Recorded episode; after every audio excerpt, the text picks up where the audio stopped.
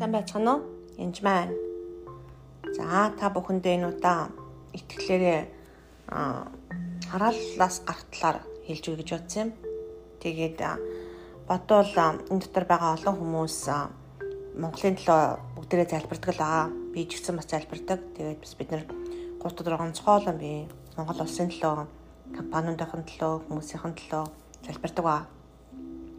Тэгээ нэг удаа би дид хул 28-ыг уншиж байсан юм Тэдэд бол 28-ын хойдлын хараал дайскийг уншиж байсан дуулуургүй хараал гээд хэрвээ чи эзэн бурхныхаа дуу хоолойг сонсохгүй бол миний өндөр чамд чааж байгаа бүх тушаал зайлгуудыг дагаж мөрдөхгүй байвал гээд л чамдар хараал буун ингэн тэгнэ гээл өрөөгт чинь газарч хөдөөж харагдана гээл бурхны аимшигтай тэр бүхнийг уншиж байсан. Тэгээ газар нутгч харагдана. Одоо 24 эзэн чиний газар нутг дээр бороо бороо шороо тоос болгож тэр нь чамайг уцтлан тэнгэрээс буух болно төр гэл Энийг унших үед яг л надад Монгол санагдаж эхэлсэн. Яана эзэм минь энэ хараалаа чи яаж гарах юм бэ?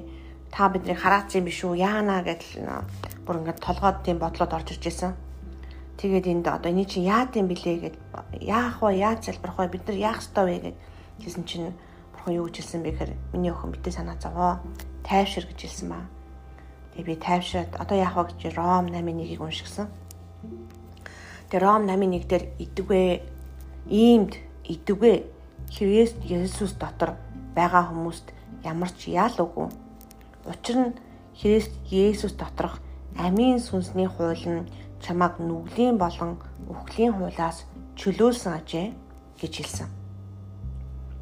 Тэгэд Монгол бас яагаад одоогоор тэгвэл ядуу байгаа ямар их гинт хэрэг байгаа хүчрхийл байгаа өвчин зовлон байгаа бид яагаад ийм байдаг вүлээ гэж дахиад нөгөө Нором 8-1 уншсан мөртлөө л тэгээл толгой ажиллаж эхэлсэн.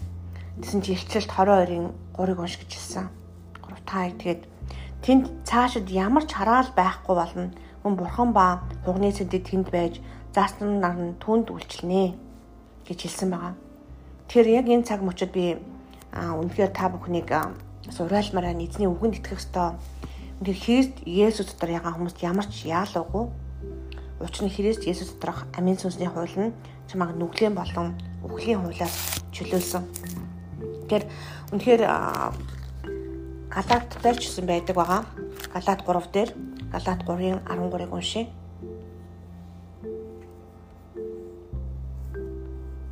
Тэг Галаат номон дээр маш олон зүйлүүдийг бид нэр олж уншиж болно. Тэгээд ер нь бүхэл номноос унших боломжтой.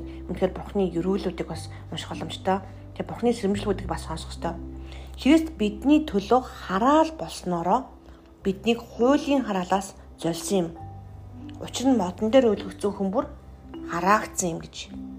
Тэгэхээр үүний дараа харин 13 дээр дөрөвдүгээр энэ нь Авраамын өрөөлийг Христ Есүсийн харанхууд ирүүл арийнханд ирүүлэхийн тулд юм гэж. Тэгэхээр Есүс өөрөө хараал болсноороо биднэрт өрөөлийг ирүүлэхийн тулд гэж.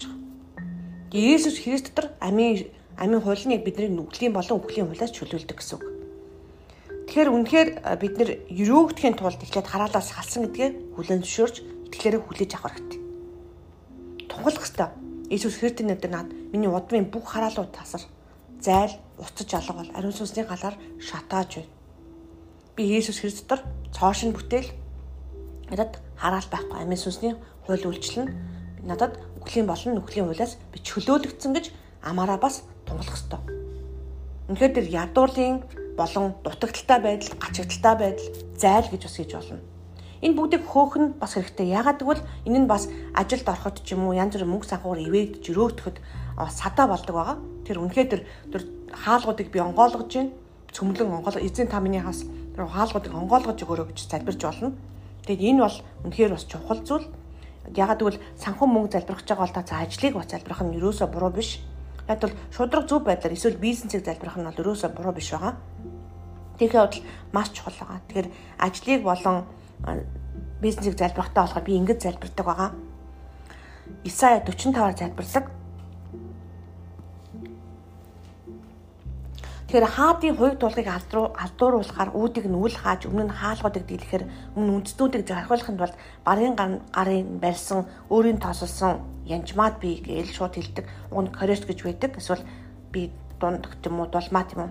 Эзэн ийн ялж байна. Би чиний өмнө явж мөрийн газрыг тэгшлэн хүрл хаалгуудыг буталж төмөр хөндлөрүүдийг хөндлүүдийг цавчин хуваан чамайг нэвээр чин дуудсан би эзэн Израилийн бурхан гэдгийг чамд мэдүүлэхийн тулд би чамд харанхуун эрдэнэс далд газруудыг нууцлсан эд баялгийг өгнө. Энэ залбирлыг хийхдээ би ялангуяа ажилд орохын өмнөх энэ залбирлыг нэлээд хийдэг. Ажил санхүү ч юм уу бүтэхгүй байх юм бол би энэ залбирлыг хийдэг аа. Үнэхээр эзэн бидний өмнө явж мөрөө газрыг төгсөлдөг хүрл хаалгуудыг онгойлгодог байгаа. Тэгээд та та бүхэнд бань бас ажилд орохгүй ч юм ажил төрөл чинь бүтэхгүй байх юм бол энэ бас залбирлыг бизнес залбирал энэ залбирлыг бас хийж болно шүү. Тэгээд энд ямар нэгэн шунлаар удирдуулах гэсэн юм ерөөсөө хийсэнгүй хүний амьдралд бурхан хэрэгцээтэй бүхнээр хангана гэж хэлсэн байгаа. Тэгээд бидний амьдралд үнэхээр ажил төрөл санхүү мөнгө эрүүл мэнд харилцаа холбоо бүгд л хэрэгцээтэй зүйл байгаа. Тэгээд бас бусдад бид нэр ерөөл болох хэрэгтэй байгаа. Ерөөл болохын тулд ерөөхийн тулд зөвхөн мэдээж мөнгө санхугаар биш л дээ. Бага мараа бэлэг ависараа итгэл санаагаа сайхан үгээр өрөө. Гэтэ бас санхүү мөнгөөр хувцсаар хоол ундаар өрөөл бас өрөөлтөө ёо. Тэгээ та бусдад өрөөл болох болтугай. Есүс Христийн нэрээр. Амен.